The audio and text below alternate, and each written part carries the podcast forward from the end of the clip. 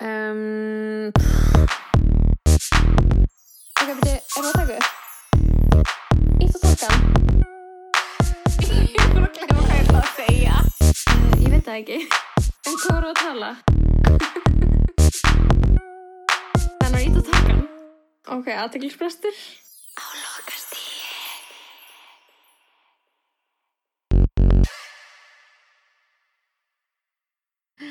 Halló, halló. Hæ. Hæ. Ok, ég heyr ekki neitt í mér. Ok, mm, það er samt, Ok. er það núna komið? Já, ég held að það var eitthvað.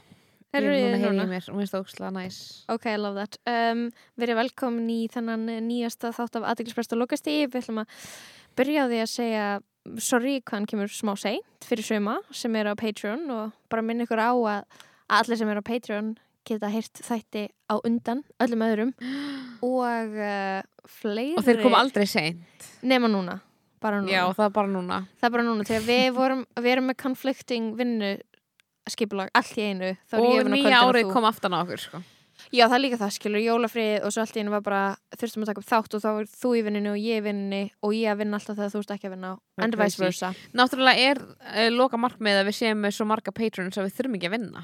Nefn að gera þetta. Það er rétt. Og, best. en það var svolítið uh, næs hlutur sem við gerðum sem við ætlum að minna alltaf á sem er á Patreon, að kíkja inn á Patreon út af því að við vorum að setja saman lista af sjónvarsþáttunum sem við tölum um og uh, elskum og söguma sem við, við fílum uh, og söguma sem eru uppáhalds skilur Mhm. og þessi listi er komin Já, inn og ég að- pinnaði hann og hann er efstinn á Patreon Af því það var einhver nokkrir uh, gefið svo að tala við okkur og sagt að þú veist stundum er að tala um þætti og það þarf svona að spóla tilbaka til þess að fatt, veist, heyra, heyra nafnið á aftur. þættinum Já, og, svona, það og það er bara pínu óhendugt og það bara geggja pro tip frá hlustundum þannig að bara okkur var okkar var ánægjan að setja inn lista af þáttum inn á Patreonið. Þa, það er nú það er fjöldin allur af, uh, af perks sem fylgjaði verið á Patreon. Eins, og, og við lofiðum og, og má, má ekki gleyma sko, ég var að fara yfir þetta í gær sko, við vorum að fá nýjan $30 Patreon sem er- sem er svona efsta, það er me mesti aðdeglispresturinn, það er aðdeglisprestur að lokast í Mhm. það er the highest honor og það Mhm. er the mest, mesta supportið og þá fæum maður sko regluleg sjátt í þættinum. Og þannig að og við ætlum bara að bjóða í hérna, hvað er að kalla hópin okkar? Þetta er þurfum að aðeinsprestur fá- á loka stíi aðeinsprest king. Ég, já, nei, ég er að hugsa, þú veist, fanbase okkar. Ek, ekki Beehive, ah, ekki eins Lambs. Lamps Já, já, hvað já, er að nafni ok, ég er með pælingu. Ef þú ert með góða hugmynd að, að na, nafni fyrir fanbase okkar, þá voru að senda okkur í DM svo við getum byrjað að kalla fanbase okkar það en allavega, við ætlum að vel, í bíl ætlum að kalla þetta hópin ertu er velkomin í hópin Dan. Daniel Þór Samuelsson Daniel Þór Samuelsson aðeinsprest king. Já, hann að takk fyrir stuðningin og bara heiður að, að fá þig Geðveikt. í, hérna, Hvað með í stuðningsliðu okkar. Já, æ, það er indislegt sko. Já. Ok, hvað með sem nafn fyrir anna, hópin með stóra hái, ég er að sjá það fyrir mér. Að þú hafa verið að segja, Já. hópin með stóra hái Sveimhuganir Nei, úi, það er svo corny Hva? Sveimhöfnir Hvað er þetta vinhópur Sko, í, í heimsbyggi HÍ? Ég er bara að segja eitt og það er, ég veit að ég erum fyrir að rífast í þætti. Já, ég, ég veit það. Ég veit það, þú veist Ég það. Við vorum bara að plana, við, við prírifumst Ég kom seint og, En þú beðist samt bara í tvær mínútur þú varst smá sen líka. Já, En ég brunaði og ég brunaði svo hratt að ég skildi síman eftir heima. That never happens. En ég er að elska símalösa frelsi mitt. Vá. en ég er enda bara búin að vera í tölvunni í staðinn síðan ég gekk inn í wifi. Það er klassík. Það er klassík þegar þú veist að ég er frjáls. Og það er bara eitthvað ég er in my laptop, ég er in my bag. My laptop bag. Oh. og þarna, já þú mættir og ég kom með nammi sem þú ert búin að borða og svo erum Mhm. við búin að vera að rífast í 40 mínútur. Þannig að við erum að byrja að taka upp potið mm. klukkutíma of seint. En við erum búin að hita okkur upp gera dæfingar og rífast af Við gerum alltaf rættaðingar og við byrjum alltaf að bara Siggi, Steppi stóð á strö, ströndu þú veist, við tökum þetta allt og, Já, við tökum og, þetta. og svona Þess vegna erum við, þess vegna röddin orðin silki mjúk sko þegar við byrjum upptökuna. Og rífumst það þessum hlemmatöll ég var tím hlemmatöll uh, Salka var tím mannréttindi ok, flott hjá henni uh, ég var tím að geta fengið með náttúruvinglas í hátteginu Salka var tím úrræði fyrir fólk sem er utangarðs í samfélaginu Erum við að verða eins og Harmageddon? hamingju. Já, ég er frosti Mér, er, Ef við erum að geta þá er þú sko 100% frosti það er þetta er það mest særandi sem það hefði getað sagt um mig í dag sko. Nei, veistu hvað er það mest sæðið sem ég hef getað sagt til sjálf á mig? Að ég veri máni í þessum aðstæðum Það er ræðilegt uh, uh, Sjáttu á mána, ég bara segja að það er, það er 100% uh, verra að vera meðvirki vinurinn en að vera toxic gurinn Er það? Já, það er svo pathetic. Uh, Ok. Ok, pathetic já, ógslag gaman að þeir sé ef þeir, út í að þeir náttúrulega hlusta þeir eru náttúrulega bóðir 5 dollar patrons. Og þeir eru bara eitthvað heima að hlusta og bara, ó ég er toxic og ég er meðurskur og það er svo ljótt. Og við erum náttúrulega bara að segja þetta í gríni, skilur Þetta er bara allt grín sem við segjum. þeir eru our buddies. Þeir eru our buddies. Þeir vita að við erum bara að tjóka Chillum Já. mjög oft með þeim En Og þeir eru patrons. Að það, að það var eitt sko sem að þarna, við vissum, við, ég held í, í gær, þú veist ég er búin að vera andvaka nóttinni núna sko, uh, ég kláraði aðlæglispressliðum mín í dag og ég ætla, og þú veist það er svo leðilegt og þegar maður hugsaður, ok, ég, klá, ég klára aðlæglispressliðum mín og svo fer ég að næ í lif þegar þau eru búin mm -hmm. eins og ég væri þá einhver tíman að fara að koma í verk fyrir nætti þrjárvíkur, skilur mig. Já. Maður á að fara áður en lifin klárast og ná í ný. Ó. Það kom sko maður inn á götunum daginn í, hérna, í undir áhrifum fíknefna hérna Mhm. inn á, á 101 og var bara, má bjóða þér elfansi og ég var bara, Hefur vibes. Þetta Ég hefði eins átt og að taka svona það út af því að þá delivery ætti ég- á, að þá ætti ég elfansi núna í staðin fyrir að til dæmis hafa ekki tekið þau. En ok, það er ekki það sem ég ætla að segja. Ég ætla að segja, ég er búin að vera vakandi allar nætur. Mhm. uh, og þegar ég er búin að vera að redecorata my, my house, Mhm. my home sem er ekki my home, heldur ég, ég er að leia home full, for now. dis full disclosure, ég er leigjandi á leigumarkaði. Ég er basically scum of the earth. Basically leggst sett í samfélaginu einskis nýtt ekki húsegandi Mhm. Algjör frosti Algi Frosti, hann er náttúrulega leigumarkaði líka við eigum það sammeilegt á svona öll- alls konar öðru. Við erum bæði etru og ekki bata. Herru, þarna allavega ég er búin að vera ég er búin að vera að pintresta íbúðuna mína uh, í drastl og svo bara er ég eitthvað á Pinterest klukkan tvö í nótt og það bara kann ég og kemur að skilja. Og ég, heimska ég fór út úr húsi í dag.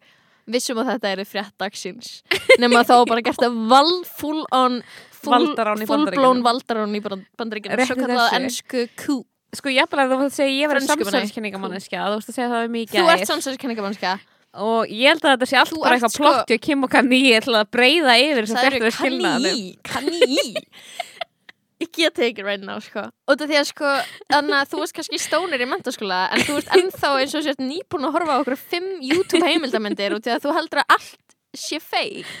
Allt er feik og allt er bara eitthvað planað og Allt er feik Hefur þú hóst á hana heimildamindunar hjá Sæti Adam? Þetta, hvað hann aftur? Hvað heitir þessi drasl heimildamindagur? Adam bla Vá, bla. bla reyna, þú ert að reyna að móðga sko alla aðdáttur okkar. Adam Docu Ég er að googla þetta. Yes, Þetta fyrir beint á Þetta fyrir beint á na, uh, Adam Curtis Adam Curtis.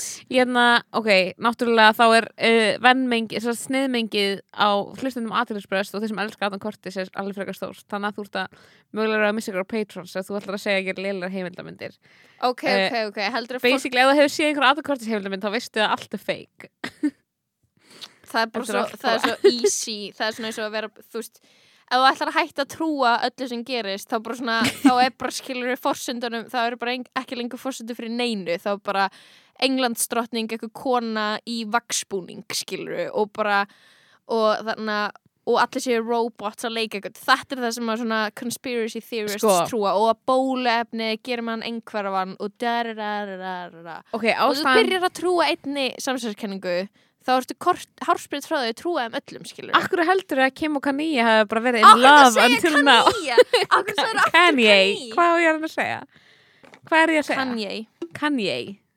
Já, segðu það bara þannig, ekki Kanye. Mér skrítið eins og þú segir það. Þú átt að segja Kanye eins og þessi finnskur. Uh, Af hverju ætti ég að trúa því áfram að þau væri saman? Já, þú veist, þeir eru búin að geða þetta lengi Hann var að bjóða sér fram til fórseta og hún bókst, bókstala að kausa hann ekki? En þú veist, ef þú væri giftunum þá myndir þú samt ekki kjósa hann, skilur þú getur alveg en þá verið giftunum En værið þið þá saman? Já, okkur ekki. Værið þið bara, I að- love you baby, I'm not gonna vote for you. Ég held alveg að sambandi þeirra sé ekkert þessu sambandi allra aðra en maðurinn er líka bara búin að vera að klíma við bara svona mjög bara mikið af gærinu vandamálum og þá getur alveg verið eitthvað svona ég er með þér hérna, sk- eða þú veist við erum gift en ég er ekki að fara þú veist, Mhm. taka þátt í ránkomundunum, þú veist, því hann Já. er held ég með starfsfólk sem að Er þetta hvað þetta er Já, og Mhm. þannig að þú veist, hann er með sko, eitthvað svona þetta er alveg, þú veist, þessu umræðan um Kanye og Kim er alveg svona erfið út þegar hann nú svona uh, þú veist, hann er þú veist, það sem hann er að glíma við er náttúrulega bara marg þetta vandi, þú veist, það er í gærinu vandamálin og svo líka er það bara God complex Mhm. sem að hann er með hvort sem hann er í mani eða ekki, hann bara svona trúur að hugmyndina sínar og þú veist, þess vegna er hann listamaður eða skilur, hann er svona listamaður sem er tilbúin að fara alltaf leið bara svona eins og margir listamann sem við dyrkum sem vilja alltaf, þú veist, sprengja konsepti út og hugsa geða stórt og eða öllum peningunum sínum í list Mhm. þetta er bara svona, bara ég er með stórar hugmyndir og bara þetta drive, skilur hann er með þetta og svo er hann bara með bara, bara blúsandi bipolar, skilur og maður veit ekkert Mhm. maður veit ekkert hversu mikið hann er að passa upp á sig hvort hann sé, þú veist, hvort hann sé búin að fá hjálp fagmanna, skilur hvort hann sé búin að taka geðlif, hvort hann sé hættur á geðlifum,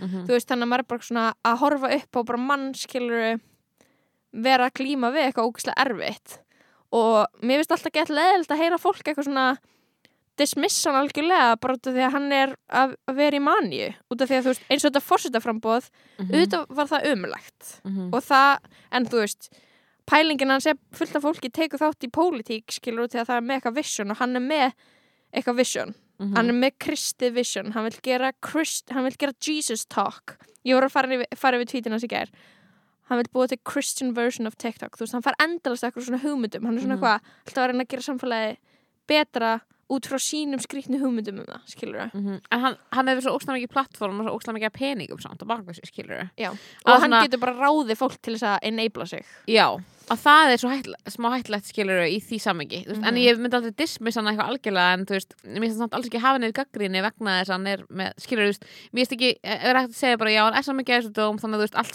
er að hann hefur ekki væg, en ég meina? já, þú en það þarf að taka þér með svona grain of salt Já, en þú veist, en eins og til dæmis bara, ég myndi ekki, þú veist, mér veist Kim sko, ofinbarlega að vera búin að standa ekki mikið með honum og vera bara eitthvað að og síðan einna held ég að þú veist ég held að ég myndi vera bara it's over eftir að hann myndi vera eitthvað að tvíta um að mamma mín væri einræðisherra og ég væri já, tussa þegar hann kallaði skilurðu? hana Chris Young-un so funny, funny. Það er funny, það er ógeðslega funny skilur en hann sagði líka eitthvað um Kim skilur já, hann, hann væri búin að vera að skilja við hana sem síðan hitti Meek Mill til þess að tala um prison reform. Já, en ég menna þú veist oh my god, skilur hann er bara í einhverju auga maníunar skilur að segja þessu hluti. Og það er nokkuð ljóst og hann eitti öllum þessum tvítum mm og meðan að Jesus talk hann, hann segir eitthvað svona ég var að skoða TikTok með dóttu minni og ég fekk hugmynd eitthvað, I love the technology but I don't like the content.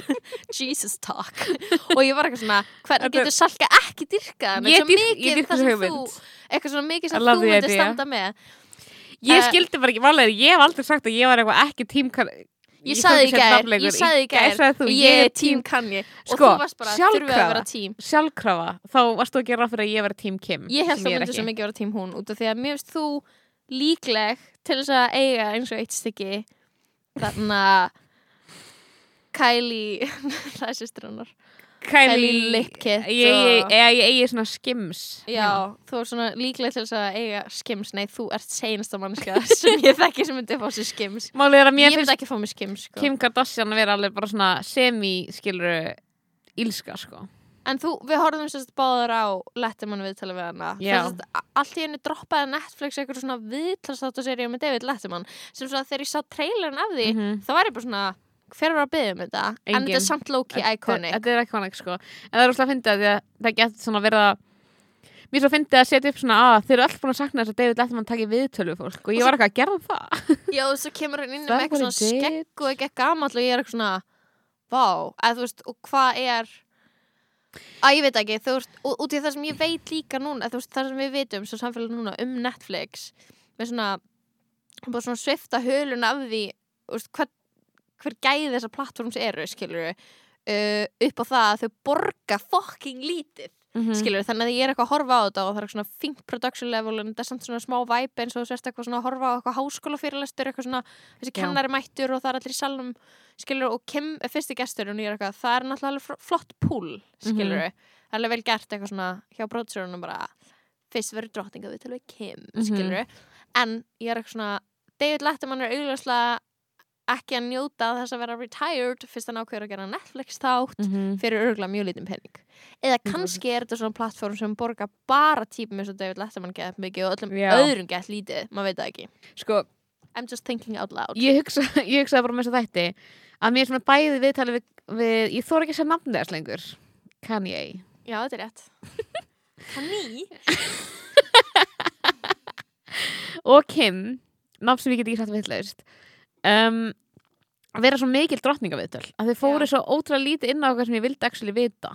En málið er að ég get já, hún virðingu- tánum í Kringum ógeðslega mikið Alltaf eitthvað svona, ég veit að þú ert frábær skilur en maður verður að spyrja sig, hvað með það? Þú veist, eitthvað, en líka þú veist að- eins og með sambandið þeirra, þau töluðu ekki neitt um hjónavandi, það var ein spurning sem var eitthvað, heyrðu, maðurinn í salnum. Bara svona, geðvægt eins og það er ógist óið pródusör bara, þú spyrði ekki um spyrja um mátt ekki spyrja um hann þú mátt, þú veist, hann er hérna og myndaðil má fara hann og þá og ég sagði í gær, þegar við vorum að tala um að þau voru fara að skilja þá, þá var ég eitthvað svona, ok, horfðu á þetta viðtal að því mér fannst eins og þau væri bara ekki saman nema from a business standpoint Hmm. í þessu viðtali. Engin, ég gæti ekki sé neina svona ást ég sá ekkert svona Og nema bara segðu- hann er hérna. Og segðu mér hvernig það er frábröðið 75% hjónabanda í heiminum ok, já, þú veist, hvað algjörlega, þetta er business. En málega er að ég er berlega virðingu fyrir því. þetta má vera business engagement, sko. Mér er alveg sama.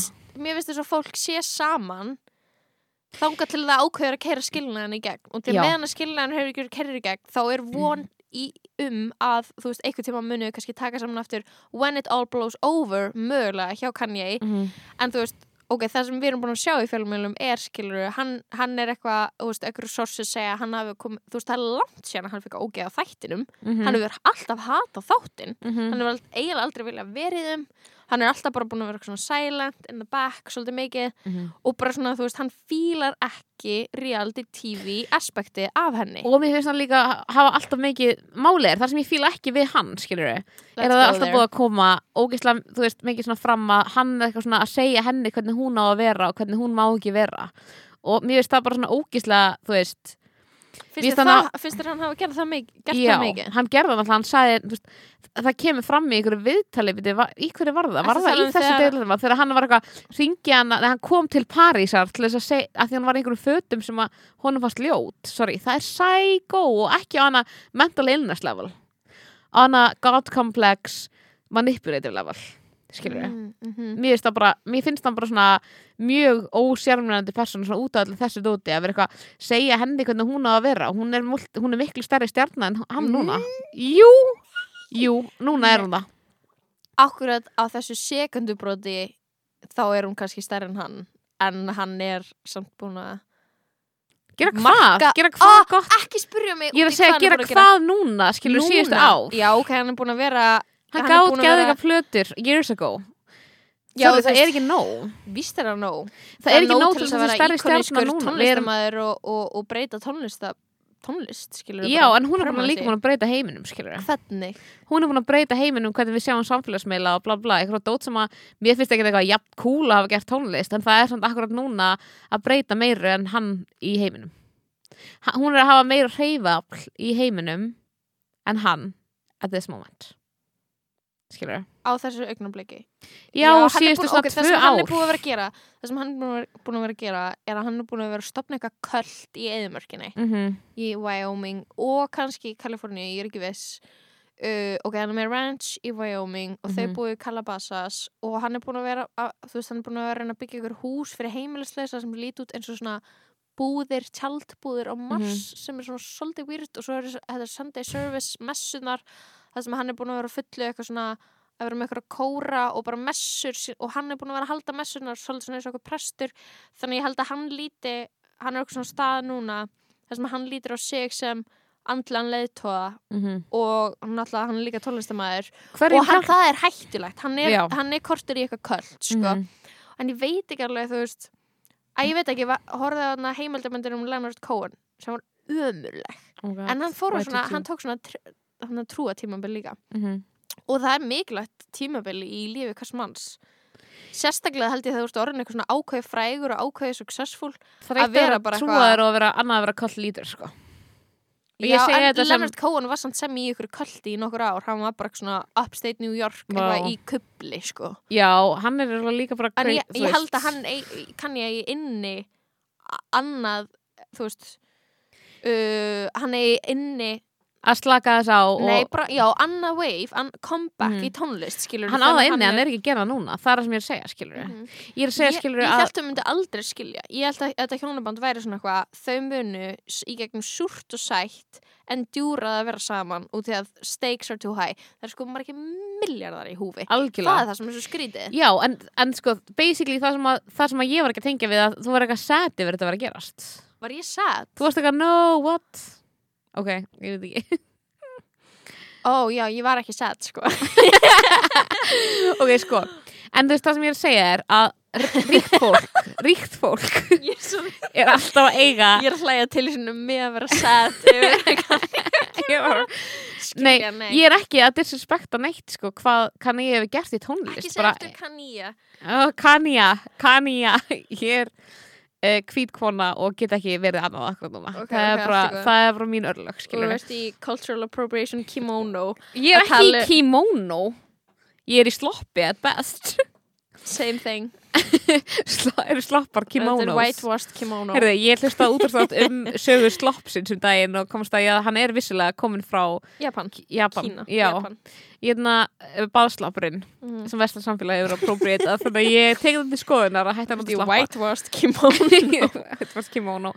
En- GTFO Sko, það sem að, að hérna, ríkt, gerist fyrir ríkt fólk er að það fær god complex og það er ómikið að já fólki í kringu það. Og síðan Mm. mm. stofnar að köld og það er það sem kann ég er að gera og ég vil þó hann sé góðu tónlistamæður þá gera það ekkit endilega eitthvað gett miklu nettara að hann sé að nákvæmlega því gera hann ekkit nettara en Leonard Cohen að vera eitthvað í kubli og þú veist, ég hafa ókslega mikið fólk í kringu sem er bara já, heyrðu, verð þú með köld fyrir heimilislegt fólk það er ekki það sem heimilislegt fólk þarf þau bæði gera ókslega mikið charity work, skilur Mhm. en þú veist, það er alltaf bara svona spurningin er svona, þú búið til ógislega mikið af wealth, þú, veist, þú ert, þú veist um, með ríkara fólki í heiminum skilur, þú veist, á Mhm. ríkari endanum í þessum Já. heimi. Og þú ert svona ríkasti svarti karlkynslistamæður þú ert að svona að hérna láta einhverja brauðmóla skilur þetta til bara svona alveg, þú veist, Kim er líka að gera eitthvað svona dót sem er eitthvað svona að, að losa fólk sem er ránglega fangelsað úr fangelsi, skilur hún er í prison reform, það er frábært, skilur hún er að nota sína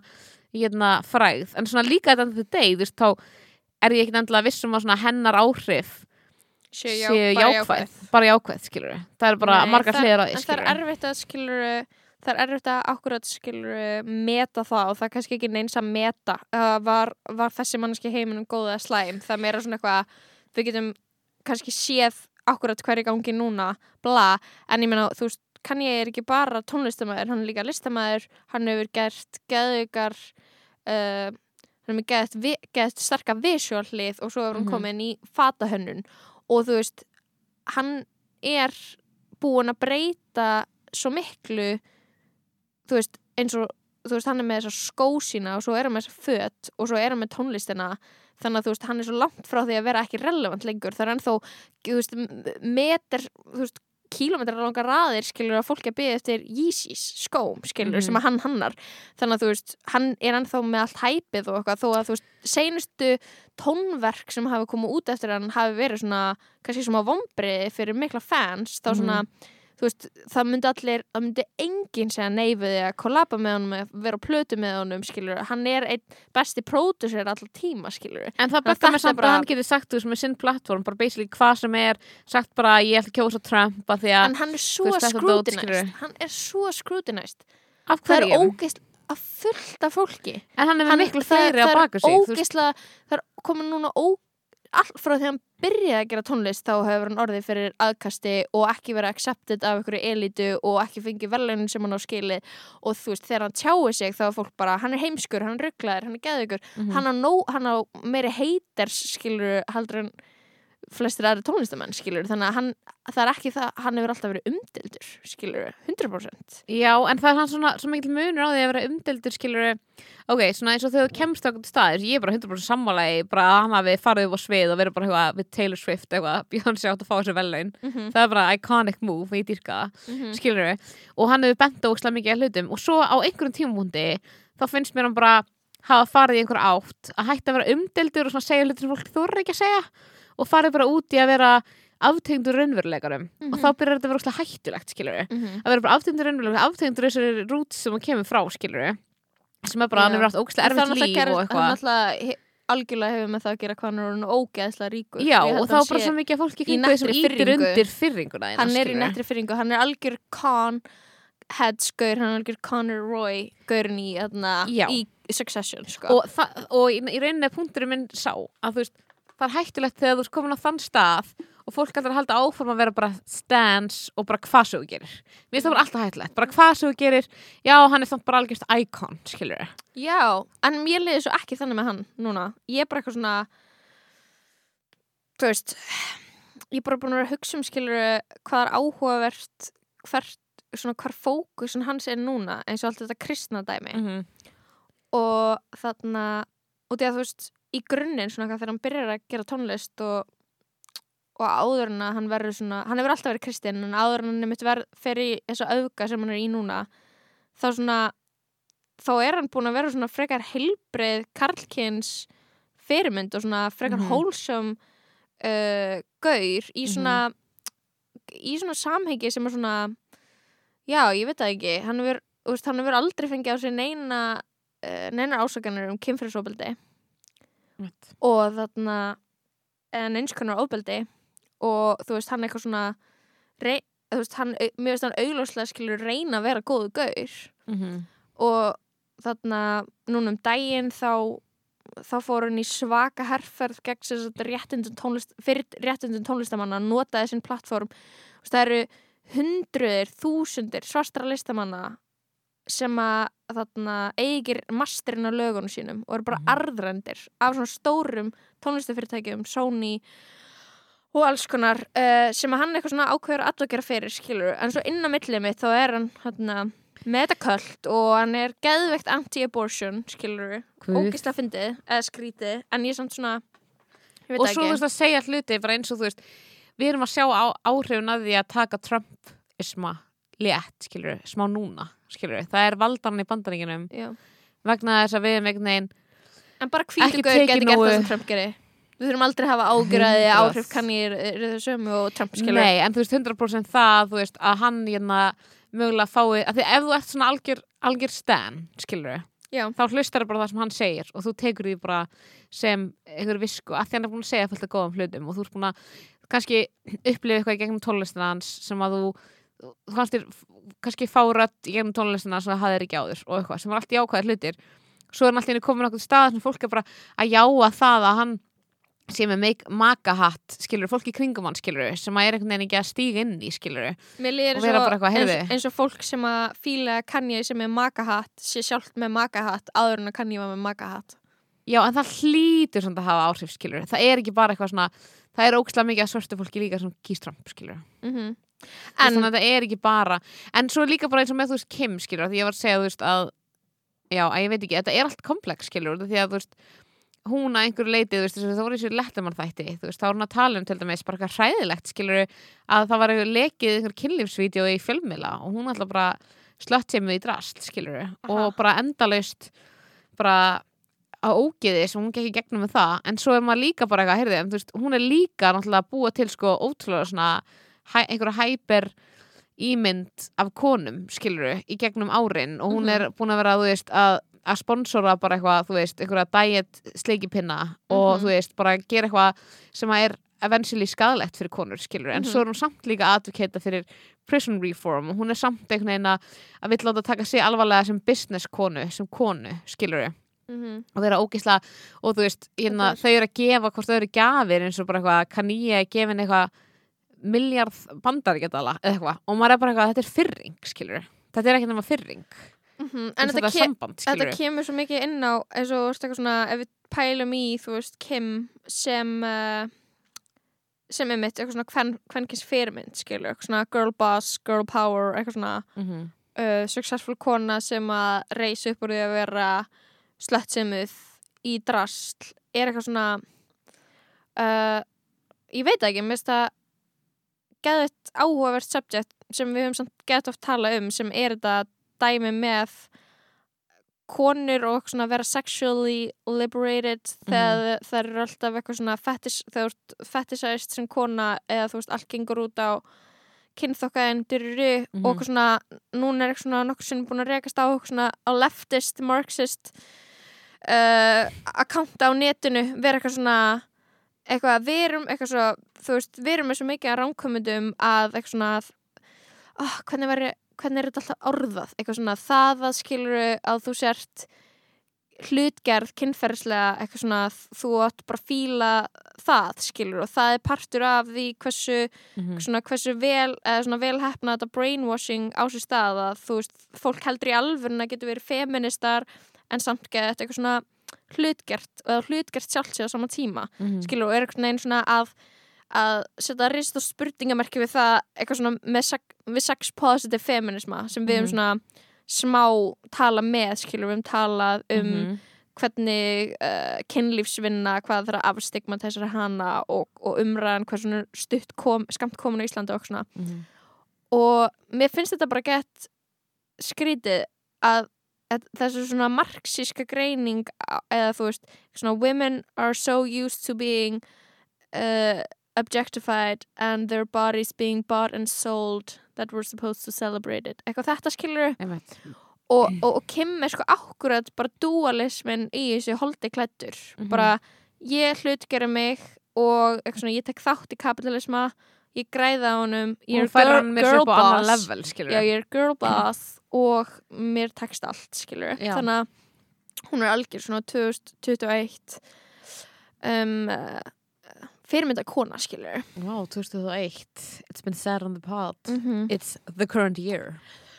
The current year. Sko, æ, þetta er bara svona ég veit smá ekki, það svona, ég skil ekki neitt skilur. Ég veit það, en þú veist, ég kannski bara tengi ekki við að vera bara svona með Kim skilur eitthvað, Yas Queen, allt sem hún gerir Nei. af því ég hef haft gaman af henni skilur og ég hef einhvern veginn hort á Giving of the Kardashians, fundið skemmtilegt skilur Mhm. fundist alls svona efni sem hún gerir bara eitthvað næs eða eitthvað en svo tengi ég ekki við að vera með eitthvað sem er þú veist, aktivli að reyna að færa svona hypersexualization skilur upp á inn í main, mainstreamið skilur að finnast það bara, þú veist, fyrir sko svo mikið af peningum og hún kemur af svo mikið af peningum. Þetta er ekki rags to riches saga skilur, Nei, þetta er ekki eitthvað þú veist, hún er bara, kemur af okkur mikið peningum en þú veist, líka komplísera á þetta því að þú veist, hún er líka einhvern veginn þú veist, hún er líka meðvitið um einhverja hluti eins og þú veist, ég meina hún á hálf svört börn, skilur Mhm. hún er meðvitið um rasisma. Pappennar var hálfur armenni held Hann ég, hann bara, eða var hann ekki bara full í armenni? jú, mögulega innflutur Mhm. frá armenni eða, eða annarkost. Robert Kardashian, þú veist, þannig að hún er búin að vekja aðtikli á þjóðamorða á armenum, skilur þú veist, og alls konar eitthvað svona sem hún er alveg búin að gera, skilur en þú veist, þetta er alltaf svona Já, spurning um hvað í heildarmyndinni, skilur þú veist, hvað gerur skilur. já, bara þú veist, hvað í heildarmyndinni gerur hún fyrir konur og fyrir, þú veist, jafnrétti skilur þú veist. Af því að þú veist, kannski heildarmyndinni þá kemur það bara svona henni sjálfur til góða og hún má alveg gera það, skilur en svona, það er ekkit endilega eitthvað. Ég held að hún hafi, hún hefur allavega aldrei sjálf brandað sig sem einhver feminisk fyrirmynd. Nei, en þú veist, nei, Það ég er svona meira svo svona, já. Nei, en svona ókslega mikið af fólki, þú veist, í kringum hann skilur sem eru feministar og ég, þú veist, er ekkert minni feministar fyrir veiki, skilur eru bara svona Kim Kardashian, Yas Queen, allt sem hún gerir, skilur sem ég tengi ekki beint Ég- við að því einhverjum tímúti þá var ég bara svona Ég hef ekki, ég orðið mikið, ég vöru það upp á síkasti allavega.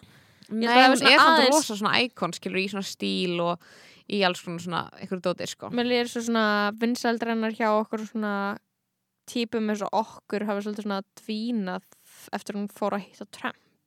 Já, true Út af því að white feminists were not having it að hún Mhm. myndi hitta Trump þó hún væri að fara ánga til þess að hjálpa svörstu fólki Mhm. í fangelsi. Mér finnst hann alveg með góða punkta með það til dæmis í David Letterman, sko Já, en já, ég er bara svona ég, það er kannski aðalega það ég, ég nægi ekki alveg þú veist, utanum þetta konsept skilur að eitthvað svona að þú að þú getur í alvörun ekki verið feministi ef þú eitthvað svona hlutgerði þig eða já, já, já. samþykir hlutgerðinga annara á þér og eitthvað svona ég er bara ekki sammálega þegar við erum bara allir saman til rullubóllum skilur veist það er ekki allir í stöðu til þess að vera eitthvað hafna peningum, skilur hvað ég menna veist við erum í Mhm. við erum í súpunni, skilur Mhm. þú veist að reyna að, veist, lifa af skilur og það er það sem að, ég er svo ósámála með þegar fólk er bara eitthvað að það er í grunninn eitthvað að því að fólk selji líkama sinn, bara það er það ekki því að fólk þarf að selja líkama sinn skilur, það þarf að vinna það þarf að vinna stundum ógislega mikið það þarf að vinna meira en það langar til að gera þarf að vinna og ekki þetta bönni sín, skilur þetta er er ekki ideal. Ekki það sem hlutum eru ideal, skilur fylgkominu heimið þá myndi allir bara gera nákvæmlega sem að langaði til og lifa af.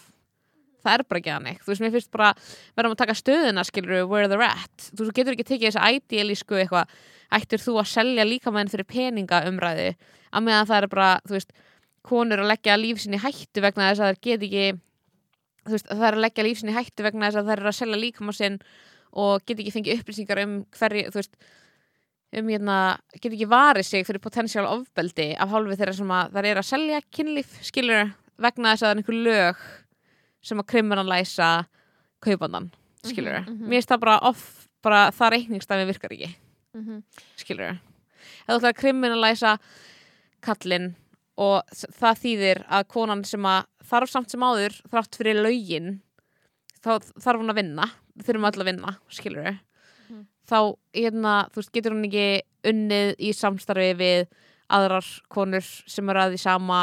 Hún getur ekki fengið allar upplýsingar um mannin vegna þess að hann vil ekki gefa þær upp vegna þess að hann er að gera sprotlu við lög skilur þetta er bara reynstæðum sem gengur ekki upp sko og þess að finnst mér þú veist það ekki virka bara svona þess að idealismi skilur En ég er líka bara eitthvað farin að hugsa um þú veist, eitthvað svona þetta konsepti já, okkar hvern líka mann sem söluvara og dyrururu og ég er eitthvað svona um, þú veist já hvað þýðir það og skilur hvað þýð, þýðir það eitthvað svona að samþykja það að þú byrjar ekki virðingu fyrir bara til þú ert tilbúin að veita ykkur á ákveðna þjónustu? Eða skilur því getur aldrei haft borið virðingu fyrir sjálfur og hvern líka mannum ef þú ert tilbúin í einhverjum aðstæðum að vera hlutgerð eða skilur eða, eða hvað þú veist, eða tekur þátt í hlutgeringu annara hvenna og getur þá ekki verið feministi eða þú veist, okkur svona þetta konsept eitthvað svona sölu varan og ég er eitthvað svona svona ó, kemur eitthvað svona ógeðslega mikillega svona marxískri hugmyndafræði um commo- commodification og Mhm. fetishization og bla bla bla eitthvað svona, svona hvað gefur hlutunum virði og hvert er raunverulegt virði hlutuna og ég er eitthvað svona um, þú veist, ef maður veit eða þú veist akkur er svona akkur er á, á það að vera svona ómögulegt fyrir konur að þú veist njóta þess og akkur finnst vinstra, vinstri sinni fólki Já. en svo getur svo ógeislega mikið tala fyrir hönd manneski og sagt bara eitthvað þú heldur og sérst að fíla þetta en raun og veru þá líður ógeislega illa ég, svo, ég skil ekki alveg þá pælingu því að hvernig, veist, hvernig getur þú vita með, þú ert með eitthvað fucking eitthvað bók sem útskýrir eitthvað hugmyndafræði fyrir þér Mhm. hvernig getur þú sett þið inn í lifa reynslu fólk, skilur við nákvæmlega. Ég skil það ekki, þar veist, hugmyndafræðin hugmyndafræðin næri ekki næri ekki inn í skilur actual reynslu fólk, þú veist, hugmyndafræðin gagnast upp á einhverju marki en síðan verður bara að taka inn í hvernig hlutinir er í alvörunni, skilur og það finnst mér þetta líka oft vera bara eitthvað það er svo mikið skömm og svo mikið svona þetta er bara sem eitthvað svona bara eins og eitthvað katholska kirkjan eða eitthvað, skilur hvað ég meina þetta er bara eitthvað svona að vera eitthvað þú átt að gera þetta því annars ertu óhrein, skilur Mhm, mhm. ég bara, Þetta- veist, það þetta er ekki eitthvað sem ég vil sko. samþykja sko. Þú veist, þetta er at the end of the day þá er þetta bara eitthvað svona veist, þá finnst mér þetta bara koma í alvörinu frá bara einhverju svona kristnum gildum skilur hvað ég meina, sem að eru 100%. bara úrelt þú veist, að vera eitthvað þú átt að upplifa skömm að því ég ákveða þú eru upplifa skömm Já. að því ég er búin að ákveða að það sem þú ert að gera er ekki lægi Mhm. vegna þess að, þú veist, hvað? God said it, þú veist, í, í alvörinu ég er bara eitthvað svona, hvað hvaðan er þetta að koma, þú er líka fljó- allir í þessar, veist, þessum, þessum pól, þessar hliðmálsins, svo fljótur að týna til um, að konur sem vinni við þetta hafi verið beitt að kynfyrirsóbeldi og konur uh, séu hald, áframhaldandi beittar kynfyrirsofbeldi og Mhm. dyrru og ég er eitthvað svona en síndu mér einhvern hóp hvenna, fyndu einhver að hvennastjætt fyrir mig þar sem er ekki margar sem hafa verið beittar kynfyrirsofbeldi bara Mhm. what do you mean bara, og líka þú veist, mér þú að setja ofbeldi á, á ranga manneskju með því að alltaf segja þú veist, að þá eigi, eigi enginn að stunda þessa vinnu skilur já. þá ertu bara að setja, setja skammuna á rangan stað Mhm. bara við erum að gera þetta þetta, þú veist, örugt fyrir konur sem eru í þessari vinnu.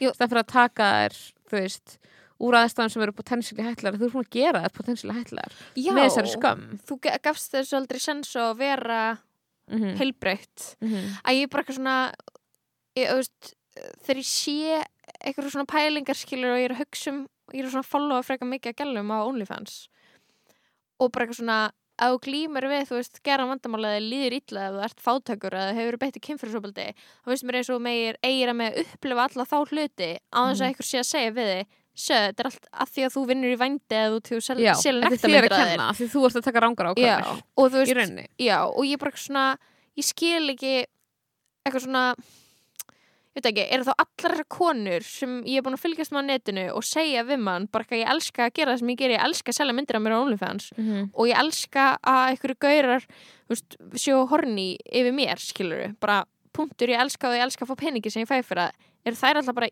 geð, með geðveikt mikla ránkomendir og innst inni er lífið raumlegt Já, það er bara bæti fólk að ákveða allt þetta fólk sem er ánkveðmyndir Já, og veist, og þá- ekki, sko. og auðvitað, þú veist, ef einhver er í aðstæðum þar sem að, þú veist, sem eru óöryggar og langar að komast út eða þá hjálpa að komast út eða og gera það ekki með skömm og gera það ekki með þessum aðferðum, skilur mm en oh my god, ég er náttúrulega með við, við erum sko we're like the sex work podcast. Við erum alltaf bara, Ég veit það, ég veit það, en það er líka bara því ég er eitthvað svona ég verður svo confused að horfa okkur gælur tala svona. Já, ég verð bara eitthvað svona uh, er ég að missa af ykkur Heyrðu. skilur, er það eitthvað sem ég skil ekki, fattar mig. En erum, þú ert komin eitthvað með lífs, lífsbiblíuna ég er komin hönd. með lífsbiblíuna. Það er book, club, sko, heyrði hvað sko, er það að segja? þú varst að segja, heyrðu svona þrísvar you better say something. You better say something. Sko, ég, ég ætla bara að segja að ég, hérna, ég er hérna með eintak af líf, lífsbiblíun eftir að Karni vita hvernig þú fekst hana. Sko uh, kærasti minn og barsfæðir keifti þessa bók fyrir vinsinn sem er um doktor í heimsbyggi sem eins konar gríngjöf, gríngjöf. Hvað heitir doktorinn í hinsbyggi? doktorinn í heimsbyggi heitir uh, Ísak. Doktor í hinsbyggi? hann er í doktorsnámi í heimsbyggi já, ok hann er ekki Eh, a doctor yet. hann er ekki doktor yet. He's got some P- way to go. PhD, Pretty Huge Dick. Já, sem Eh, að já, podcast having Ísak dude. Ólafsson sem sagt, í, í doktorsnámi heimsbyggi mun fá þessa í Skotlandi, í Glasgow Ú. í University of Glasgow er það sem ég ætla að segja án þess að vita. Þetta er ekki um, bara pod, eins og við séum líka að við erum að hann. Við erum að auðlýsa karlmenn. Við erum að auglýsa karlmenn og hann hérna, mun fá þessu bók hann mun gefins kömma á þessa bók. Hann mun vera held mjög reyður þegar hann lesa þessu bók ég held að hann mun vera ósáttur. Þetta er sko málið er að Alda Karen og Silja Björk skrifa þessu bók og ég held að þær viti að disclaimer, ef disclaimer þær eru að hlusta ekki hlusta lengur. Þú sé við erum að fara að shit taka bókin ykkar. Og það er ekki hægt að ok þú ert Sko, með physical copy af það sem ég lífsbiblíunni að segja er vit alveg að maður að fara að gera grína þessu það eru konur á, það? þrítugsaldri að búið til bók sem heitir lífs, lífsbiblían það er, það er hlutlega mat funny? Reyndar finnst 50 mér- lífsleiklar sögur og reyndar leyndamál er alveg hugmynd hvort að við ættum að breyta nafninu þessu podcasti í lífsbiblían hvað, hvað kostar bókin? Lestu verðið? þetta er í rauninni sko nákvæmlega samalóa og ef að við tvær myndum bara taka einhver svona Þetta er podcastin okkar. bókarútgáðan Þetta er það sama skilur Þetta eru tvær konur á Engin munur. þrítugsaldri að sem tala eru- af uh, stað tala ekki af- mikillar þekkingar. ekki mikillar vissu. Uh, já, mikil vissu um hluti það eru kannski að fá aðeins meira að borga fyrir það ég veit það ekki, skilur, Nei, ef þessi bók samt selst ekki. mikið samt ekki, skilur segðu mig hvað það kostaði. 4299, gefur hann ekki gjald? Gefur ekki gjald. Fyrir- það er ekkit einu fyrir dýr bók, sem er sko. öll nú þegar í heilsinni á Instagram en hann er öldu. Þetta er þykk bók, hún er, hún er næstu í 300 hún er ekki bara blaðsir þykk, hún er þótt nei, T-H-E-C-C hún er THI CC þykk er ég að segja þetta rétt sem, sem, sem Þú sagði, veistu, ég eftir, er. eftir í leiðir þetta með Kanye? Veistu hversu oft þú sagðir Kanye í viðbót eftir það? ég Ég bara nýr drikkilegur hlusta á hana þátt og taktu línu af kóki í hvert skipti sem að Salka segir Kanye og þú verður gjaldtróta sko, áður en að podcastinu líkur sko þetta er náttúrulega ég er sko Ég, ég, ég ég, trú hann ekki í bata ég er eitthvað ekki bata. Sko það er eitthvað ógeðslega fyndið. Þetta, þetta er þetta er essensin af því sem við tölum oft um sko, sem er svona ákveðin típa af svona kapitalískri svona lífs svona lífsleiðbenningum skilur sem er svona, svona kondensuð svona smættu niður í form Instagram kvóta. En ég bara, sko, ég verð að fá að segja eitt. Mhm. Ég hef bara séð ágætt Instagram kvót sem hafa svona eh, þér? Þeir sem hafa sko bara uh, líst ljósi á eitthvað sem að hjálpa mér bara aðeins að setja tilfinningar mínir í samhengi. Ok, En ég get ekki sagt að ég hafi s- yfir hefur skilið neitt af því sem ég hef séð frá Instagraminu og öldukarna Nennir bara please að lesa fyrir mig eitt kvót bara, Hérna. já, bara lestu það út af því að bara beint, beint frá kunni skilur út af því að ég alvörunni er confused ég er sko með það út Mm. af því. Hvernig þú ákveður að lifa daginn í dag uh, fylgir ákveðin um hvernig þú vilt lifa lífinu. Nei, það er bara ekki satt. Það er bara ekki satt. Þannig ég get ekki tekið mér einn dag þar sem ég kem engu Bíddu. í verk. Ok, Er það bara lífið með þannig? heilbrið samskipti eru átakalaus. Það er ekki satt Ég er svo reið. Og mækið minn var rauður, ég ég, ég ok, þetta er sko uh, Sorry að þú varst þetta með Airpods og fekk illt í þetta eyrun er svolítið gott sko. In samskipti eru er ekki svona- bara átakalaus. Að ég er eitthvað svona, það trubla mig eitthvað hvernig þessi setningur orðið. Ok, lífið hendir þig ekki. Lífið er handa þér. Ég myndi ekki segja þetta að vera andstæða setningar. Skilur hvað ég menna Þessi bók er það sem þú þarfst að kvísla í eyrað á mér ef ég stend á veistu brúninni og þú veistu hvað er eitthvað sem ég myndi senda þig sem ég held ég að senda þig í gær? Já, og ég, stend, ég, stend, ég stend við. Mhm. lífið er ósöngjant en þjáning er val. Lóa, Þannig að já, þjáningi val. Þjáning Já. er val? Þessar gælur, veit ekki neitt Salka, ég er brjáluð. Ok, sko, Þjáning er ekki val. Það er vita ekki neitt sem er jafn mikið og við veitum skilur hvað ég menna Munurinn er að ekki með Ég bók. veit alveg að book, ég er fáviti skiluru En ég er allavega ekki að reyna að selja ykkur um lífsbiblíuna Sko, veistu hvað ruggla mig mest af kvótunum í bókina sem að eru á Instagraminu? Það eru að tekið saman einhver góð kvót. Ok Hér er kvótið sem ég skil ekki hvaðan kemur, ef ég skil ekki samengið, en ég er með bókina núna en ég get líklega að tekka því. Ok Kvótið er svona. Þeir heyra skotunum hleyft af og óttasleginni leita þeir skjóls í nálæri runnaþyrpingu og, bí og býða átekta. Hvað er þetta sögur úr stríði líka?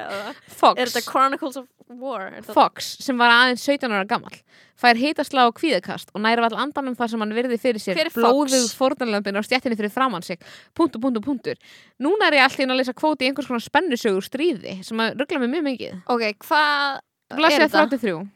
33 ég er með bókina fyrir framann Ok, sko. þannig að allt í einu er fólk í stríði. Þau eru allt í einu að segja sögur fólk sem hefur verið í stríði Líka. Mm, mm Á, þetta, þetta er úr kapla 5 sem heitir ásetningur þinn er öllu æðri. Sko og hann, þetta er nefnilega kapli sem fór til í töðanum sko, ok, það sem er út að fyndi er ok, við erum Ok. með svona lífskúrua Já, svona fólk sem er, er svona life coach svona lífsþjálfara, einhvers konar. Og þeir Hvað eru alltaf að um nota anekdóta þessi bók er full af svona anekdótum svona Já litlum sögum. dæmisaga Dæmisögum. eins og í biblíunni. Og kaplinn byrjar á hérna í ágúst byrjun 1966 stakk Charles Whitman hættu, sem var fyrirverandi hættu. sjóliði móður sín og Af eiginkonu til hverju? bana. Nei, er að eftir tók hann til nokkra rifla og kom sér vel fyrir á útsýnstöðni Austin Háskólas í Texas þetta var 1966 næsta einn að og halva eitthvað sjóliða? Whitman skoðunum regnaði vegfærandir og var skotar svo mannskæðast í bandaríkjunum á þessu tíma. Fann hún eitthvað Sko. sögur íslensku í samhengi þetta er sko strax svo fyndi út þetta smá eins og- er Americanized. þetta er svo þýtt úr þetta er eins og þýtt bók Já, þetta er svo bara þýtt bara eitthvað vefsíða hjá okkur um svona motivational speaker frá, þú veist, 2003 vefsíða, vefsíða með okkur sögur okkur um US Marine bara akkur þetta að segja Íslandingum sögur okkur um sjóliða sem að fremur fjöldamorð bara Ok, sko, ég ætla ekki að fara meira í söguna því að hún er kannski svona smá löng, skilur við. segðu sögu af Hérna, hásenda á Íslandi sem að drakk sig það- fullan og Það sem aldrei kann tekur frá þessari sögu, sem eru skotar þessu bandaríkjunum. aldakarinn hjaldalín Uh, ég tók eftir því að um leið og John hætti að hugsa um sjálfan náðum tökum á aðstæðunum og gatt komið Claire í örugt skjól. Þetta er smá þessu rauðaserjan þetta er eitthvað svona að fara að minna má eitthvað svona. Þegar maður er að lesa bækur alltaf heita John eða Claire. Maður er að lesa einhverja sögur og það er svona alltaf trubla John maður er eitthvað þegar að Brad tók, Brad tók Clair. utan um hana um, já, þannig að það er reyni verið að tala um sko gildi og ásetning En ég meina af er hverju saga? Af hverju saga? Já, sko, hann bjargar einhverjum að það er því með stærri ásetning held ég. út út í hann er að bjarga lífinar Já, svona ósért lífin uh, ásetningur og á, hún segir sjálf ásetningu minn er að láta fólki liða vel Aldakarinn, hann er ásetningar þannig að hérna uh, þannig að þú veist, ég er líka bara ekki með áhyggjur að því að við brjótum eitthvað niður þú veist, hennar sjálfsmynd vegna þess að hún hefur gert þessi gildi að sínum. Hún skilur hvað ég meina? Hún er lífsgúru þannig að þú Hún er lífskúru, ég- hún er, þú veist maður getur pínu skotið einhverjum skotum að henni, sko í formi orða, ég er ekki að tala um á sama hátt og Charles Whitman gerði 1966 ekki þess konar skotum. ég er meira meira svona skotum í formi orða sko vegna þess að hún einhvern veginn, það skiptir hann í rauninni ekki máli þegar bátnið kvolp Hún ákveði sína einn lífsamingju já, hún, hún er hún er skapar í sinna eigin hamingi sko.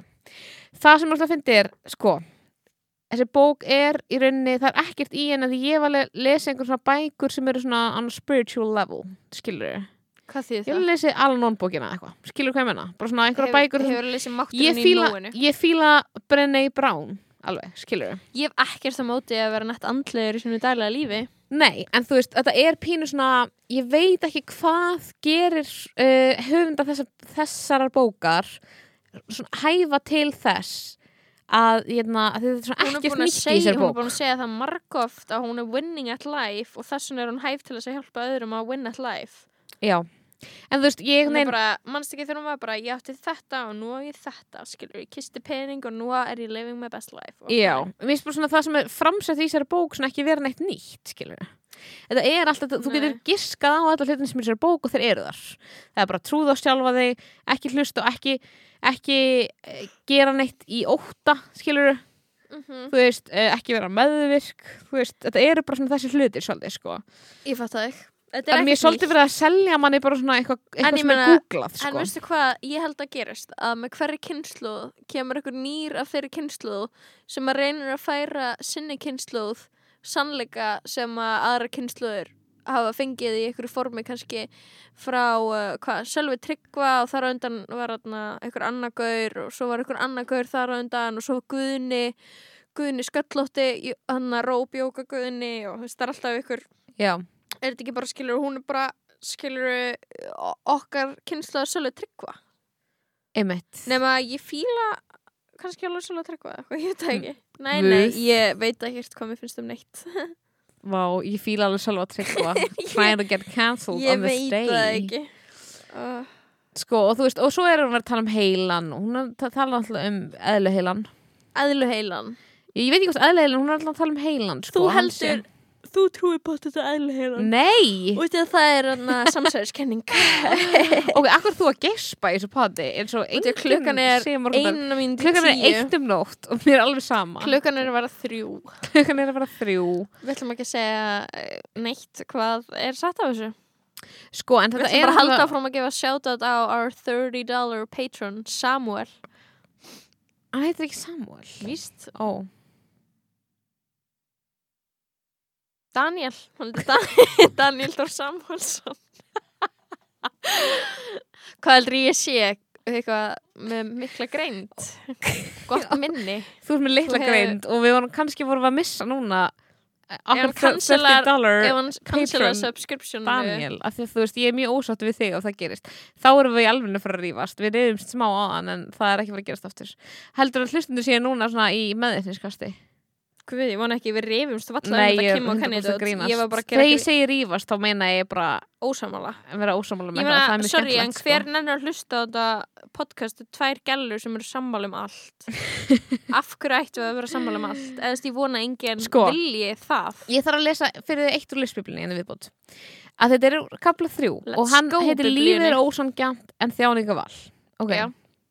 Svo sammála Í flestum sjálfsjálfabókum kemur fram að tilgangu lífsins fylgist í því hvað þú kjósur að gera við það. okay. Mér bara alltaf mikið pressa, svo ég ákvaða að skrifa öðri sér sjálfsjálfabók. Þú ert örglega búið að áttaði á því að þetta er ekki vennileg sjálfsjálfabók, þetta er kvartningabók, þetta er lífsbiblían þín. Ekki spyrja þig hvað vil ég gera í lífinu, spyrja þig frekar hvort tilbúið að þjást í lífinu. Já, ég er ekki grínast. Ákvöldu fyrir hvað þú ert tilbúið að þjást og ég skal svo hjálpa þér að stilla sásökanum í hóf. Það er staðreind að allt sem veitur okkur hamingi í lífinu mun einhverjum tímabúti færa okkur óhamingi. Allt sem er gott fyrir líka sér þjáningu. Makinn sem þú elskar mun fara í töðunar þær, drauma íbúðinu mun þarna sem viðhalds og valda óvæntum útgjöldum, peningunum sem þú eignast fylgja herri skattar, nýja starfið veldur meira álegi, börnin sem þú liði fyrir stundum fárlega frek og leðileg og nýja Teslaðin mun potið beila í daginn. Allt sem veitur hamingi í þessu lífi mun líka færa þær óhamingi. mm, Mundu bara að lífið er ósangjant en þjáningar val. Já, fátt í þessum heimir jafn áræðanlegt eins og dauðin, skattar og þjáning. Hún sagði alveg bara fátt í þessum heimur áreðanlegt og dauðin og skattar sem bara þýðinga okkur bandarísku bandarískum frasa. Death skattar ta- sko, ég elska and mál er, ég elska að hérna, sko, það- er skatta. mjög lýsandi fyrir, fyrir hverja þessi bók er að hérna, það sem hún ímyndi sér að fólk sé að gangi í gegnum sem er þjáning vilja- séu skattar og og, hvað Tesla. þur, og, og hvað Tesla viðgerðnar eru dýrar og hvað það þarf að borga mikið hérna, við viðhaldi og drauma íbúðinni það er ekki fyrir fólk sem er svona í alvöru þjáningu þetta er svona fyrir fólk sem er eitthvað að það er pínlegilegt að ég þarf að búa heima á fóreldri mínum uh, þegar ég er 25 ára en ég fæ eins og að búa frítt og sapna pening skilur þannig ég eignast drauma íbúðina mín þegar ég er 30 ára en ekki þegar ég er 25 að þú veist það er mitt Ég- teik sko. veit ekki hvað er í gangi að sko. en bara bone appetit sko. Bone Appetite, lífsbyrjulegin við erum sko, þetta er okkar fyrsta bókakynning af eitthvað er sko já, ég ég held að þessi bók verði keif, irony keift af mörgum já, það er alveg þegar búið að gerast sko það er alveg smá svona ég fekk hann allavega að lána og vildi bara svona Fe Fekst þú þér nikotín í dag? Já. Ertu currently með nikotín? já, Hvernig er það?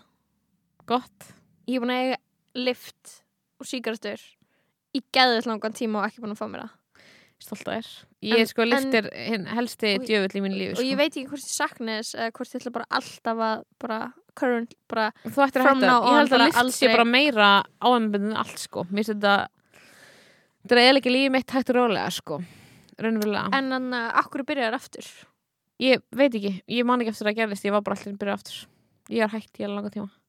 alveg geðveitt langan tíma Já.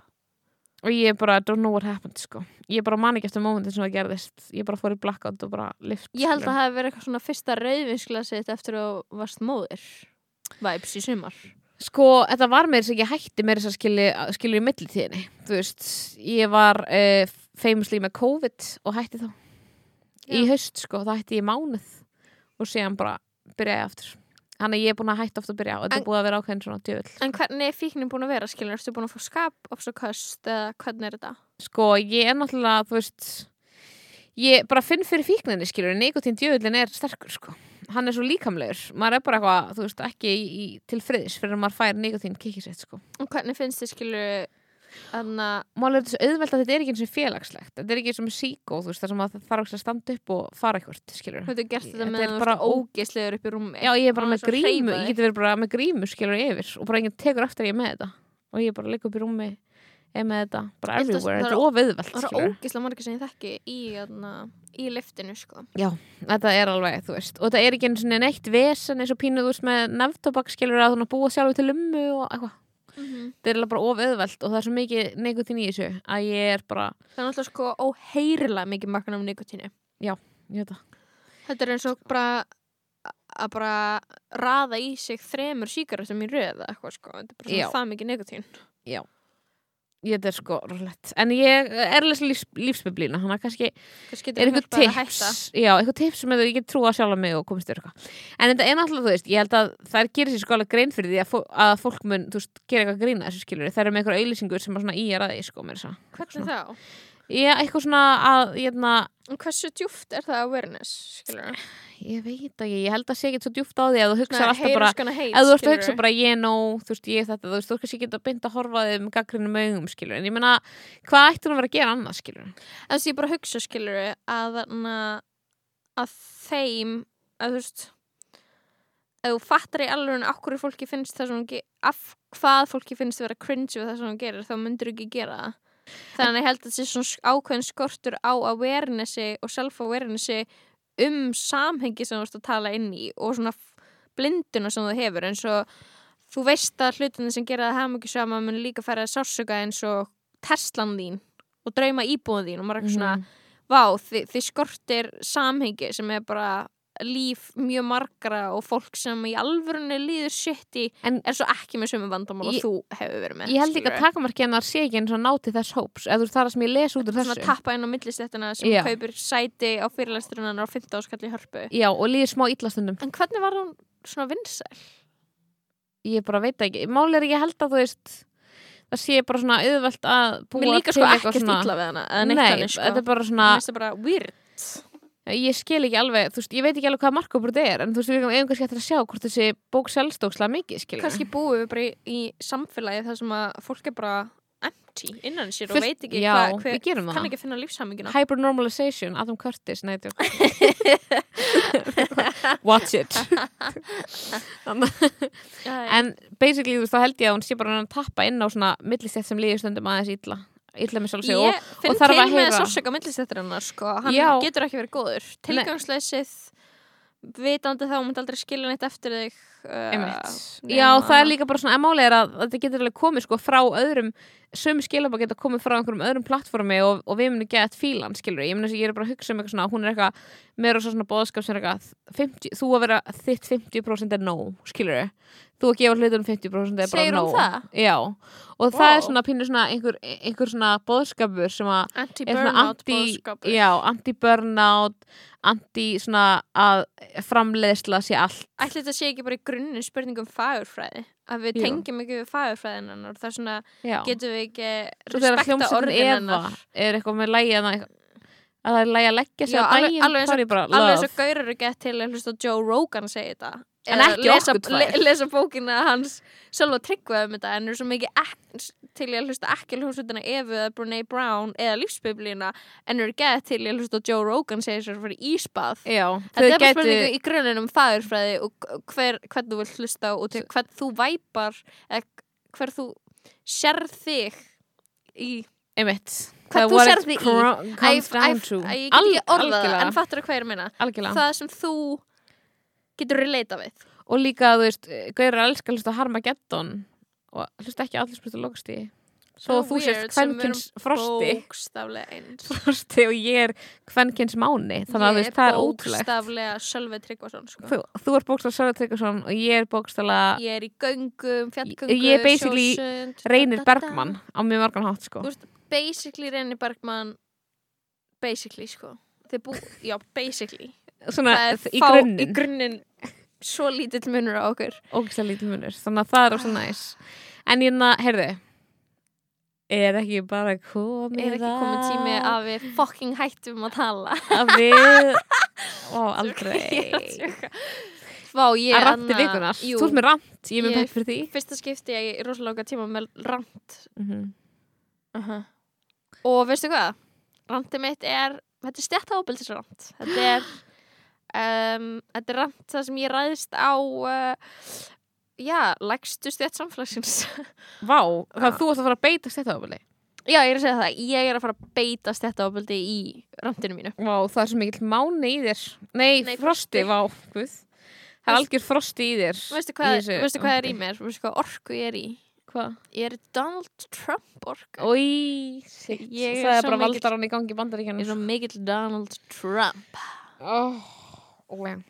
hann að Ég ætla ekki að samþykja það sem hún segir því að það er það sem á, á ekki að gera, skilur ú, ok, smá kúla ég get gert svona klukkunum minna en þetta er meira svona hérna flottar lúk þú veist, á stoppbótsinu í staðin fyrir að ég sjáu bara svona sekundunar þá get ég séð þetta svona eins og skeiðklukku Wow! Tilbúin, bitch Podcast er famously a visual platform og allir, allir veit að hvað þú tala um. Allir hvað ég tala um, ok, er Þetta tilbúin spennandi, nei. Vá, Æ, ég ætla að gera þetta, byrja. Æ, ég ætla að gera sound effect og það sklúðraðist. Fyrsta lagi kom ekki aðna klappgaurin, heldur kom rocklag og eitthvað svona ískur. Gef mér annan sjans. ok Gef mér annan sjans. Oh my god, nei, það er tvær mínútur eftir af þessu sound effecti. Ég ætla þetta cursed. Ok, og þú, Núna skil ég þetta.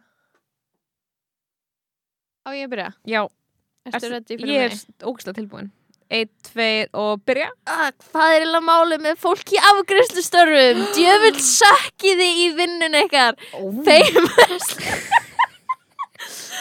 Famously Íslandingar í afgriðslustörfum IKEA, ég er að horfa á þig. IKEA inn í búðinni.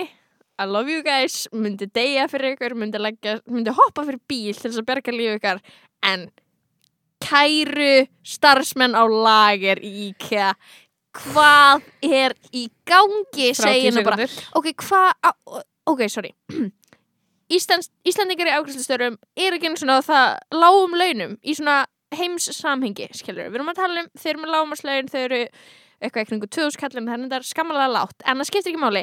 Út af því að af hverju getið aldrei bara sagt góðan daginn, þannig að ég, ég Tíu hjálpa þér sekúndur. eftir smá heldur þau eru alltaf að hunsa mann þannig að maður veit ekki hversu lengi maður á að býða láttum bara vita hversu lengi ég þarf að býða og ég skal bara chilla en mér líður eins og þú sett bara starrið í lofti meðan ég Ein býð, mínúta. veit hann að ég er hér Mm. oh, ég náði ekki að komast að pointi Lóa, þú þarft að Sko. ég hata fólk í afgræslustarfum Oh my god Ég vissi ekki, ég vissi ekki að það kæma þessum degi yeah, fuck those guys Sko, er ekki líka En er ekki íkveða Veist- fýtt vinnustæður eða? Já, sko, Pæling. málið með það sem ég var að reyna að segja er að fólki inn í IKEA stendur sér svo frábælega vel en svo þú þarft eitthvað annað heldur en hjálp í baðdeldinni og fólk á kassanum er rosalega gott og fólki inn í matsölustæðanum er líka mjög gott en þú ert eitthvað svona býð eftir að fá sendiferðabíl eða sækja sófaðin í hann lærin hjá Costco þá er bara eitthvað ekkert að frétta það er bara að býða endalust lengi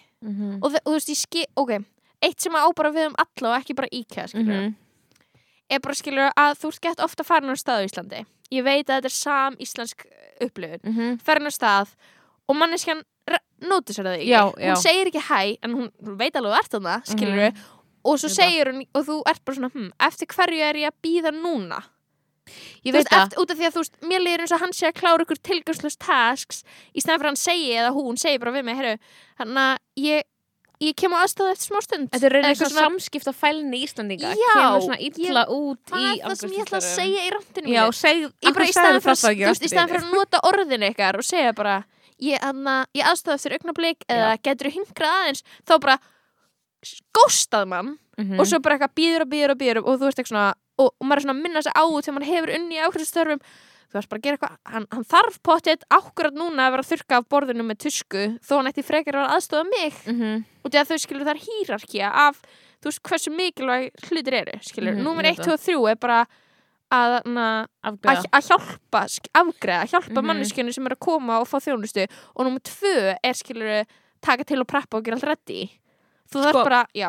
Ég lendi í nákvæmlega því sama, sko bara í fyrra dag þar sem ég kom inn í búð og ég, í og ég ætlaði sko að gera bara svona einn, bara kaupa eitt hlut og ég, ég þurfti bara að spyrja einnar spurningar. Bara er Já. þetta til þessar stærð, vildi ekki vera inn í búðin lengi er með einhverju grímu, skilur er bara eitthvað mm -hmm. in and out mission og ég held að þetta sé svona eins og veist, yfirleitt er í búðir svona, það er afgreislan þar sem hún kaupir hluti og svo fólk svona inn í búðinni sem þú getur spurt um hluti. Þú veist, það er svona pínu separate, skilur já. og það var alltaf einhver, alltaf verið að afgreið og það var röð í afgreiðsluna þannig name hugsaði, the store. Name of the store. Nei, þetta er upphaldsbúðið mín maður. Heyrðu, Hmm. þannig að góði hýrðurinn, nei, hvað er ekki ok.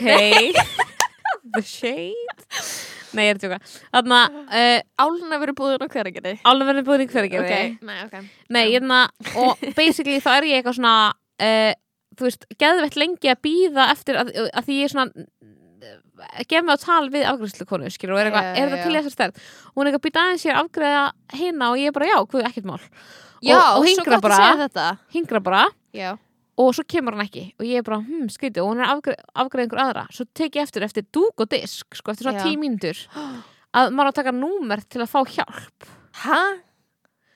og í staðan fyrir að segja, heyrðu, þú verður að taka númer. Þú veist, ég er að taka númer og þá kem ég og hjálpa þér. Oh my god. Þá bara segja þau ekki neitt Litla og, fyrst, tussu múfið. Og ég er bara Var eitthvað búin að þetta býða þarna og klukkan var orðin sex. Var þetta Elko? Nei, klukkan var orðin sex. Hva, Í hvað búð það maður að taka Varst í Ísbú Vesturbæ? Þetta, þetta var í Irberg My fave store. Tjóks Ég, ég elska allt, ég er gömul kona Ég elska allt í, í Irberg Það er allt svona Þú ert samt ekki gömul kona. Þú ert 28 ára Know what I mean? Já, Ógist að I leðilega have pains. Að ég er, ég er sko Þannig að ég verð bara að koma svo að ef að ykkur skildi tengja geti ég please sent me a message ég er 28 ára og mér alltaf núna illt í bakinu eða öxlunum með tengi ég er alltaf bara eitthvað að reyna að horfa allt einu er bara ok, í dag get ég ekki hort til vinstri. Og ég bara skilði það ekki. Máli er ég er búin að vera að gera tvennt. Ok, því við vorum að tala um, veist, ég er ekki að gera neitt fyrir líkam og sál í janúar. Ég er nema þessar hluti. Farið Eirberg Fari í Irberg Því á svona nagladínu heima. Já, þú sagði mér að þú var ekki Ég er líka á nagladínu það er svo sjálfa tryggvalegt sko, það er svo ógeðslega sjálfa tryggvalegt um, Er það ekki að það er það eina sem þú gerir fyrir líkamæðin? Nei. Sko, við erum ekki frostið á mánu. Þú ert sjálfa tryggva og ég er Óli Stef. Og við erum bara svona eins og það viðtali í hverju minnsta þætti. Það er best. Og ég byrju hvað var heitt sem ég var að gera sem var, já, þú veist að negla dínu ég er Þú ert nagladínu að taka lift á fullu Ég er að og taka lift og ég er Þetta er er er sko um, the laziest type of Ég self-improvement þetta er sko bókstala kveikja á ljósi og liggja á dýr. Þú ert ekki þú ert ekki eins og eitthvað svona að drekka mér á vatn. Þú ert bókstala að Ég er að drekka mjög lítið vatn. Ég er alveg að drekka miklu minna vatn þér. liggja í janúar er ég bókstala að drekka miklu minna vatn en ég okkar Vá hvað það finnir Ég er að því. En ég er skilur um, að gera tvo hluti. Og mér Þetta er 2021 energy sem ég veit um. Mesta 2021 Oh my energy. Ég er í sama sko, ég er ekki eitthvað að setja pressa á mig að fara út að hlaupa. Ég ætla ekki að taka þátt í þessu, þessu, þessu svona hóp peppi að þú veist eitthvað svona taka mig í gegn. Ég er bara eitthvað, ákveð þetta að gera það, eskilur ég Veistu hvað ég veit, Já. ég nenni ekki að vera eitthvað okkur að ég fara að breyta lífinu mín í dag Málið er að mér líður samt, ég skil janúar dæmið út af því að þú veist eftir jólinu og þannig, þá er maður alveg með þörf til að komast í einhverju rútínu. Mér það alveg eðlilegt, mér það alveg human sko, en ég er samt bara að gera þessi tvo hluti and I'm proud of it. um, Ég er sko ready fyrir þarna randið þitt Býtu, Ok. ég, ég er ekki með síma þá þarf ég að googla timer Nei, Ok. ég ætla að googla stopwatch Ok, Ó, Ég er svo ógeðslega spennt að setja hana þáttinn á neti ok, kikja. Hvað Love that. Love that for me Love that for you, 2021. Erstu tilbúin? Já. ah, Býtu, ég byrjaði En það fór bara, það fór ekki eins og upp í eitt sekundubrót Ok, og guðsjölof. Svo tími hefði verið tímdur að eilífu. Býtu, ertu tilbúin með randið þitt? Já. Bíddu. Randvikuna Hvernig, hvernig fannst þú rétt að taka núna? Ég gætt farið inn í svona kerfi Ok. Einn, tveir og byrja Oh my god, randið mitt er loksins um fucking bröð og kó Þetta er svo mediocre fucking bakari og ég er orðin svo ógæslega þreytt á því að við séum öll að láta þess að sé gett fancy Let's að við séum go. alltaf að kaupa ykkur að fucking sömu vínabröðin Sýndu það. Af hverju er ömuleg vínabröð til þeim sann Af hverju tóku þið, ok, bröð og kó ákvað. Ég ætla að gera svona semi-healthy vínabröð sem er ekki eins og með súkulega á. Oj, Þau eru tuttugu- bara með einhverjum sigri á og þetta bræðast allt eins. Allt bakkils í bröð og kó bræðast eins. Vínarbrauð. og málið er líka það að öll bakari, öll svona fancy bakari á Íslandi eru betri, 30. farið í samtólt eins og vennilega manneskjur, ef þið ætlaði að kaupa dýrt brauð sem kostar þúsungall, farðu á kúkusnest farðu í samtólt, skilur I get it, þú vilt beita þess þetta og vilja kaupa dýrt brauð. We all 26. been there, I'm always there, skilur en farðu þá í eitthvað proper ass bakari þar sem að fólk er actually að gera vinnuna sér rétt og ekki bara láta allt bræðast nákvæmlega eins. Allt bakir sem það bræðast eins og svo aðfangadag fer ég í Sandholt ég kaupi besta brauð sem ég smakka á æfuminni keir svo hérna brauð og og það er 30 manna röð úti fyrir utan brauð og kó í vesturbænum. Stopp. Guð minn góður we need to make new Ok, cups for these people. Þú erum að búa til nýtt þetta Tuborg classic drink, looking drinking Mhm. nei, drinking looking ass guys í Pröðukó þetta er allir sem að Það er- vita eitthvað um bakkelsi eða, ok, hérna, sem að eru einhverju svona gourmet gourmands hata brauð og kó það er fakt sko. Þannig að Pröðukó er bara svona gaur sem langaði að opna brewery og selja IPA en fór að gera brauð í staðin og máli er að það er sko fæn að vera eitthvað svona þetta er bakar í hverfinu mínu, það er fæn. En Já, máli þetta er að mínu. kostar þúsund kall Ég kaup aldrei brauðið Ég kaup alltaf pretzelið og það er búið að vera þurft upp á síkastið that's, that's right, joining in on the rant. Þú veist, og það er allt svo ógeðslega dýrt skilur það er bara allt þú bara ferð þarna inn og þú kaupir, þú veist, tvo hluti og það kostar tvöðu skall skilur Já, maður þarf að budgeta ef maður ætlar í Pröðukó maður þarf að bötti það, maður ætlar að fara ok, ég verið eitthvað svona, herri, ég ætla að fara að vera næs bara að fara að vera næs við vinkunum mína og kaupa eitthvað bakarist út á leiðinni þá er ég ekki bara, og fer ekki í björsbakari þess að sjöld, skilur líklega. Já. og heldur fer í bröð og kó og bara, ég er að fara að kaupa Það er ekki lægi það er not ok og ég er hann þreytt á þessu. Ég er þreytt á þessu Þetta það ofbeldi ég er þreytt á þessari, þessum, þessum blacking leik sem er í gangi. Já. um að það sé eitthvað geðveikt bakari. Snúðarnir er ekki það góður Í rauninni er snúður snúðanir Snúð- er old. Í rauninni er snúður bónus Í svona Mhm. plastkassa. Stemning, Með karmelu glasúr Mhm. Betri. It's better. Og ef þú getur ekki viðkjönd að sé betra Mhm. Þá ert þú að gera það sem hefur oft verið kallað er að bara feika smekk með því að kaupa dýra hluti. Sometimes things that are expensive are worse. Nákvæmlega motto þess að þáttar. Mm -hmm. raunverulega, þetta þekkjum við einskynni Jöp. Oh my god, þetta, bara, þetta er rátt sem er lengi long time coming sko. ah, og það er svo satt og því að eða langar í súrdesbröð sem er með hólu innan þú veist þá þarfst að kaupa bröð og kó súrdesbröð út því að þau eru bökuð eins og þú ætlar að fara að geima bissu inn í því. Og já, kúkusnest þú þarf að fela erðaskrána hérna inn í hólunum á þessu. Já, kúkusnest, goddamn besta samtolt á iconic. og- they have been doing it samtolt er bara been, been doing it. perra búlla Ú, var- gaurum var svona smá perri gaurum sem að Er það að kvísla í mækin eitthvað sem að þú heldur að hlustundur mun ekki heyra vegna þess að þú ert að perri sem var með það er með það, we don't know Ok, we need to get the facts We get, get the facts um samtolt áður fyrir að mæla með því on the pot. Eða með eitthvað tips en máli er að eins og er þá er ég ekki með all the facts og þá ég, er ég að peppa samtolt brauðið sko. Og máli er að þetta er bara þú veist, það er til, veistu hvað, þetta er fínt vi, veitu hvað þetta er fínt súrdegsbrauð? Í reyni bakara í Hamraborg. It's not fancy. Það er súrdegsbrauð. Það eru fleiri staðir með súrdegsbrauð. Fólk heldur að það sé bara til súrdegsbrauð í bröð og kó Not a Það er ekki. Rule of the Rule of það the er pot. ekki bara til súrdegsbrauð í brauð og kó ok. It's Við erum good. ekki bara menningarpod, heldur eru líka hér til að hjálpa þér að spara með því að fara til dæmis ekki í bröð og kó, já, right?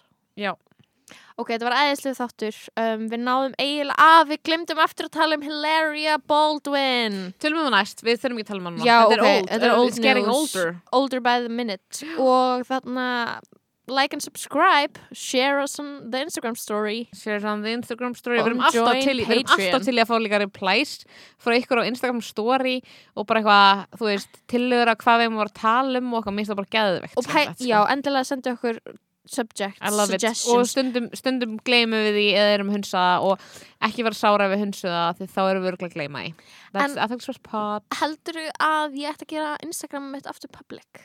Já, Það búið að læst ekki lengi. let's go Á ég að gera það public. Let's go Ég skil ekki hvað ég mér svo að fá followers. Ok, Ég follow með- the Lói ég með- please, ef þið eru að hlusta þetta, þú veist ekki að followa mig why do you hate me? ég skilur heiti Lóa Björk Office núna. Og ég er bara best að fíla rýbrandi mitt. Lóa Björk Office. Já, ekkert á þáttunum heldur bara út af því it's my office. Because. I'm there all day. Býtu! I'm on Instagram all day. It's my office. Love ég verð þar í allan dag. Uh, þannig að ég er bara með 1400 followers. Mér finnst það svo ógeðslega lítið. Ég er með minna, baby. Já, en þú veist, ég er alltaf að posta Fólk vil bara ekki sjá það. They hate me. They Uh, hate you. og ég er alltaf að posta selfies og setja mig í story og ég gerir mím um daginn með mynd af Kela. Kettinum Það er alltaf funny, ég sá og engum fannst það funny. Sendi mér það, ég, ég, sendi elska það, ég sagði Kela my therapist Keli frá stundin okkar can't hurt you, he's not real. Og enginn hlóaði Oh ég er eitthvað svona, come on ég ger þetta til þess að fá reactions þannig að react Góður. Ok, herru, þannig að takk kærlega fyrir þáttun í dagsalka og bara góða skemmtun að leggist á nagladínuna þín eftir Ég hlaka til, love you. Hvað ætlar að segja mér mm, Ég ætla bara að segja að ég var líka gett til í að fá hérna, reviews á Já, Á eins og podcast þau var appið, eins og alltaf af gett mikið að gera á Apple Podcast. að því ég elska það og ég elska að lesa Já, við, hérna, við erum ekki búin að fá neitt síðan, úr, hérna, síðan í desember eða eitthvað Nei. og við ætlum að lesa please- öll næstu review sem koma inn á Apple Pod við ætlum að lesa þau í næsta þetti ok, ekki Ok, bye! Love you, bye!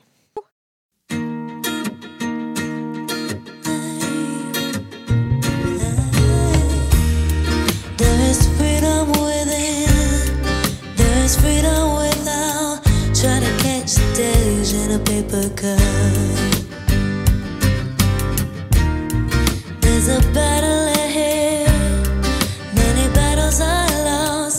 but you never see the end of the road while you're traveling with me. Hey now,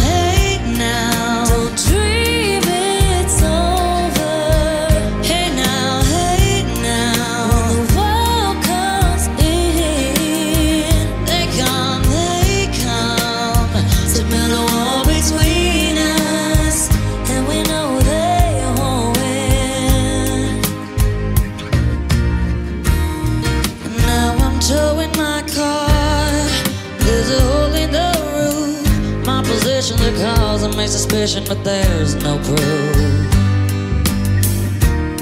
And in the paper today, it tells of and of waste. But you turn right over to the TV page.